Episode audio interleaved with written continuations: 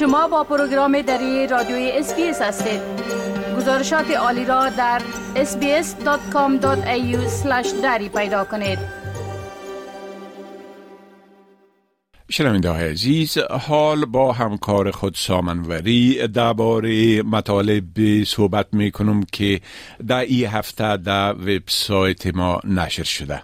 در صفحه اینترنتی برنامه دری رادیوی SBS با آدرس sbs.com.au دری. هر روز مطالب جالب و دانستنی درباره موضوعات گوناگون به نشر می رسم.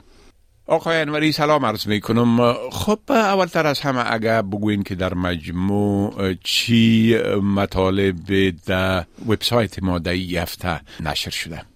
با سلام به شما و شنوندگان عزیز. خب این هفته در کل در استرالیا دو رویداد قابل توجه داشتیم. اولی استعفای غیر منتظره نخست وزیر یا پریمیر ایالت استرالیای غربی مارک مکگون و دیگری صدور حکم محکمه درباره پرونده بن رابرتس سمیت سرباز سابق ارتش استرالیا علیه سه روزنامه و سه روزنامه نگار بود. این پرونده که برخی ها او را محاکمه قرن و برخی دیگر هم محاکمه نیابتی جنایات جنگی خوانده. یکی از جنجالی ترین پرونده ها در مورد اتهامات ارتکاب جنایت جنگی سربازان ارتش استرالیا در افغانستان بود. همچنین این هفته در کمیته نظارت سنا افشا شد که جنرال انگوس کمبل رئیس نیروی دفاعی استرالیا یک هشدار ایالات متحده امریکا را درباره توقف همکاری نظامی با سربازان و واحدهای متهم به ارتکاب جنایت جنگی در افغانستان از وزیران دفاع پیشین و فعلی پنهان نگه داشته بود. موضوع مهم دیگر تصمیم حکومت فدرال درباره ویزه موسوم بلی یا همو ویزه مخصوص مترجمان و همکاران محلی استرالیا در افغانستان بود. حکومت این هفته اعلام کرد که این ویزه را تا ماه می سال آینده پایان میته و متقاضیانی که قبلا رد شده بودند تا ماه نوامبر سال جاری فرصت داده که مجددا برای این ویزه درخواست بتن در آخر هفته گذشته زلزله خفیفی در شهر ملبورن و اطرافش رخ داد و ما این هفته گزارش معلوماتی در مورد این داشتیم که آیا زمین لرزه ها در استرالیا بیشتر می شوند یا خیر و ای که در صورت وقوع زمین لرزه های بزرگ چگونه از خود و عزیزان خود محافظت کنیم؟ موضوع قابل توجه دیگر برجسته شدن کمبود شدید خانه های کرایه در تمام استرالیا و افزایش فزاینده کرایه در یک گزارش تازه بود.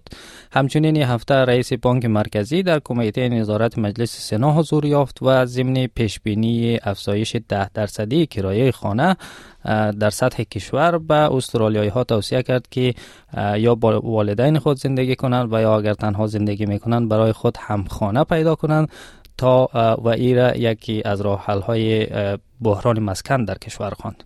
گزارش دیگری هم در مورد هشدار دست جمعی مدیران ارشد شرکت های هوش مصنوعی یا ای آی و کارشناسان و استادان دانشگاه داشتیم که در او پیشنهاد کرده بودند که خطر انقراض بشریت به دست هوش مصنوعی باید در ردیف خطرات چون همگیری و جنگ هسته‌ای قرار داده شود. علاوه بر اینها گزارش های دیگری در مورد جانشین احتمالی نخست وزیر وستن استرالیا اعلام حمایت سازمان های فرهنگی و مهاجر از صدای بومیان در پارلمان نحوه یافتن خانه کرایی در استرالیا و همچنین نحوه گرم کردن خانه در زمستان داشتیم که شنوندگان عزیز ما می‌تونن اونها را در وبسایت ما دنبال کنند. بله خب از استعفای مارک مگاون صدر اعظم استرالیای غربی گفتین و ای بسیار جالب است که ای محبوب ترین صدر اعظم ایالتی استرالیا بود. اگر در ای باره مقدار توضیحات بتین که چرا استعفا داد. خب چنان که قبلا اشاره شد مارک مگاون نخست وزیر استرالیای غربی روز دوشنبه هفته در یک اقدام غافلگیر کننده اعلام کرد که از سیاست کنار میره آقای مگوان در نیمه دوره دوم نخست وزیری خود قرار داشت و با دایر کردن یک نشست خبری فوری اعلام کرد که از های خود به عنوان نخست وزیر یا پریمیر و وزیر خزانه داری استرالیای غربی و همچنین نمایندگی از حوزه راکن هم در پارلمان استرالیای غربی کنار میره این وکیل سابق نیروی دریایی که توانست استرالیای غربی را از گزند همگیری کووید 19 در امان نگه داره حزب خود را در سالهای 2017 و 2021 به پیروزی خیره کننده رسان و در واقع در آخرین انتخابات ایالتی بزرگترین اکثریت پارلمانی را در تاریخ ایالت کسب کرد. اکنون قرار است راجر کوک کسی که در شش سال اخیر در سمت معاونت آقای مگوان کار کرده به عنوان جانشین او انتخاب شد بله خب همچنان در باری بن رابرت سمیت نظامی سابق استرالیا که در افغانستان فعالیت داشته.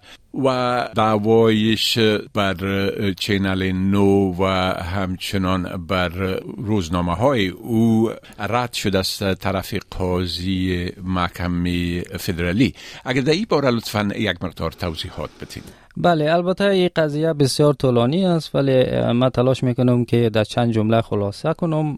روزنامه های Sydney Morning Herald Age و Canberra Times در سال 2018 گزارش های را به نشر رساندند که در آنها بن رابرتس سمیت سرباز سابق نیروی ویژه ارتش استرالیا به ارتکاب جنایت جنگی در افغانستان متهم شده بود.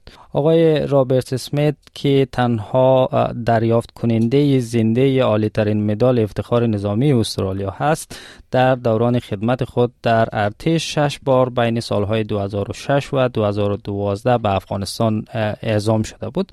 در گزارش های روزنامه ها آقای رابرت سمیت متهم شده بود که بین سالهای 2009 تا 2012 در حداقل سه مورد مرتکب جنایت جنگی شده. یکی از اتهاماتی که در روزنامه ها علیه آقای رابرت سمیت مطرح شده بود این بود که او یک غیر نظامی افغان غیر مسلح و بدفاع را با لگد از روی صخره پرت کرده و به سربازان تحت فرمان خود دستور داده که به او تیراندازی کنند. سپس آقای رابرت سمیت این روزنامه و همچنین نویسندگان گزارش ها در محکمه فدرال شکایت کرد و مدعی شد که اونها در گزارش های خود مجموعه از اتهامات افتراء آمیز را درباره او مطرح کردند. اما محکمه فدرال روز پنجشنبه پس از یک مدت طولانی حکم کرد که بسیاری از اتهامات مطرح شده علیه او ریشه در واقعیت دارند. این حکم محکمه گامی به سوی مسئولیت پذیری و اجرای عدالت برای خانواده های قربانی افغان توصیف شده و همچنین یک سازمان متعلق به افغان های استرالیا خواستار اجرای عدالت و پاسخگویی درباره اتهامات جنایت جنگی سربازان استرالیا در افغانستان و همچنین پرداخت غرامت به خانواده های قربانیان شده است. بله خب بسیار تشکر آقای انوری از این معلوماتتان و فعلا شما را به خدا می سپارم روزتان خوش. تشکر از شما. خدا نگهدار. بپسندید شریک سازید و نظر دهید. اسپیس دری را در فیسبوک تعقیب کنید.